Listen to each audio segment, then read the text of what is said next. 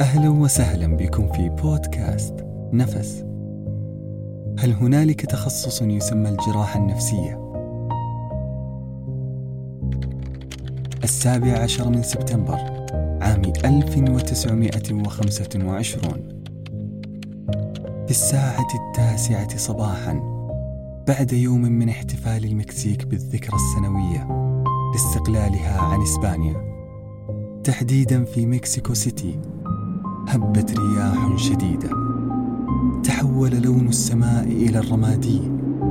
تساقطت قطرات المطر. كان هنالك فتاة حاملة مظلتها بيدها ذاهبة إلى محطة الحافلات. عندما وصلت تلك الحافلة الجديدة ذات الطلاء الأحمر الجميل الذي يبدو أنيقا بنحو استثنائي وجدت في مؤخرة تلك الحافلة مقعدا شاغرا. كانت تنوي الذهاب إلى مقاطعة روزفلت أثناء وجودها في الباص وبينما ترتشف قهوتها الساخنة وتقرأ رواية الموعد الدامي لأغاثا كريستي. حدث ما لم يكن في الحسبان. بينما الحافلة تقف في التقاطع كانت هنالك حافلة أخرى في الاتجاه المعاكس.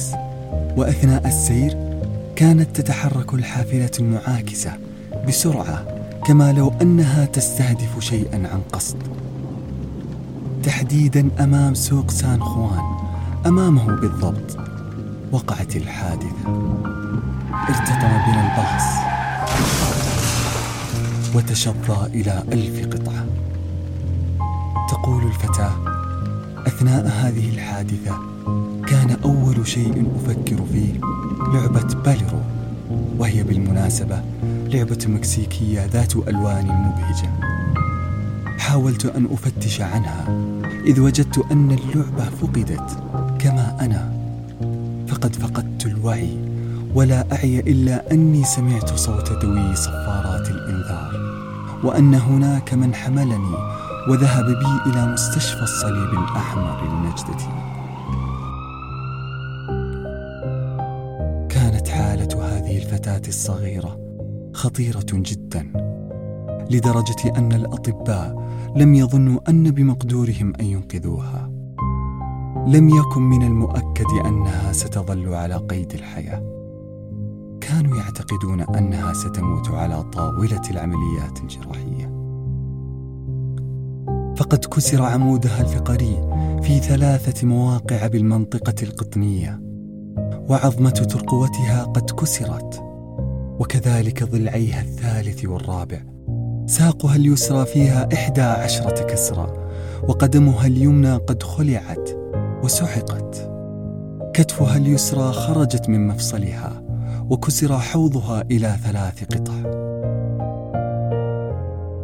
في المستشفى وفي غرفة العمليات وأثناء ما كان الأطباء يجرون العمليات الجراحية ويهزون رؤوسهم ويتشاورون فيما بينهم. هل ستعيش؟ هل سيكون باستطاعتها المشي من جديد؟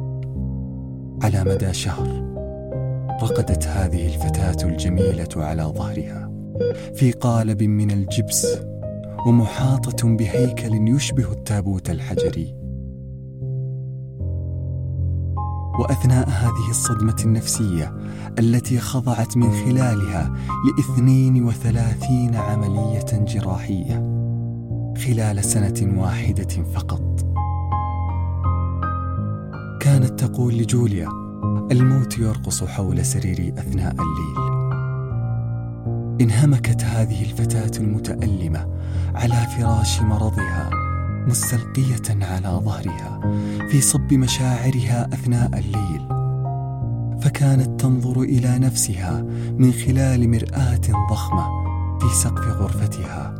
فكانت تبحث عن شيء تستطيع أن تتنفس منه. شيء من خلاله تستطيع أن تبوح عن آلامها وأحزانها. شيء تستطيع من خلاله أن تعبر عن مزاجها الكئيب وعزلتها القاسية في هذا المستشفى الموحش. فطلبت من أمها حامل لوحات من نوع خاص لأنها لا تستطيع الجلوس. وطلبت من والدها بعض الأصباغ الزيتية وفرشة كانت تحاول الرسم فكانت تنظر من خلال المرآة المعلقة وترسم نفسها بألوان داكنة عابسة حزينة وبدأت في تلوين الجبس الذي يحمل جسدها. إلى أن أصبحت ترسم البورتريه وهو بالمناسبة رسم الصورة الشخصية لنفسها. وبعد سنة من النوم على السرير بلا حركة قرر الأطباء بعد أن رأوا التحسن الملحوظ في حالتها الصحية أن بمقدورها الخروج من المستشفى. كانت تقول حين أغادر المستشفى هنالك ثلاثة أشياء أود أن أفعلها. أن أرسم ثم أرسم ثم أرسم. بعد خروجها من المستشفى وجدت هذه الفتاة أن الرسم متنفسا عظيما تستطيع من خلاله تعبر عن معاناة. أصبحت هذه الفتاة ترسم الكثير من اللوحات إلى أن امتلأ منزلها بالرسومات فبدأت في توزيع بعض الرسومات على صديقاتها حيث أن الجميع انبهر وتعجب من هذا الفن. اشتهرت بالبورتريه لأنها لا ترسم أحلاما بل ترسم واقعها الحقيقي فقط. يقول نزار قباني عندما سئل من أنت؟ قال من أنا؟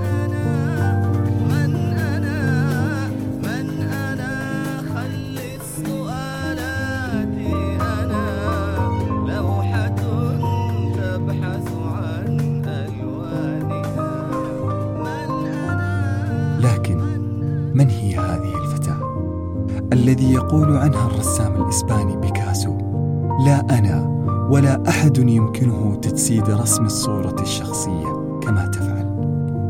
إنها الرسامة المكسيكية السريالية فريدا كاهلو.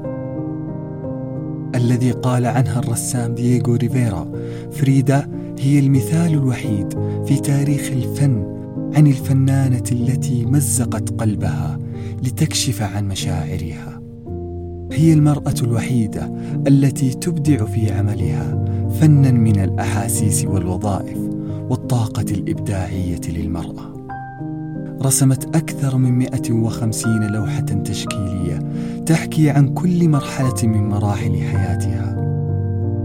شاركت في العديد من المعارض في نيويورك وواشنطن وباريس. وآخر معرض لها في حياتها كان في المكسيك وكان الحضور شخصيات مشهورة من عوالم الأدب والفن والموسيقى. وقد انذهلوا من تفرد وإبداع فريدة. ولكن انصدموا عندما رأوها حاضرة من المستشفى على سيارة إسعاف إلى معرضها الشخصي. في بداية أعمالها كانت تبيع لوحاتها بمبلغ لا يتجاوز أربعين دولارا. والآن تقدر رسومات فريدة بعشرات الملايين. اليوم في منزلها المسمى بالبيت الأزرق.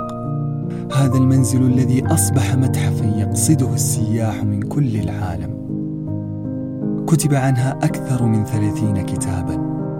صنع عنها العديد من الأفلام السينمائية والآن لا يكاد يخلو معرض عالمي من رسوماتها. ختاما وإجابة على السؤال في بداية الحلقة. نعم يوجد. ففريدة التي كانت تطمح أن تدرس الطب تحولت إلى الرسم كشكل من أشكال الجراحة النفسية إذا فالسؤال لكم هل ضربتكم أخرجت إبداعاتكم أم قتلتكم؟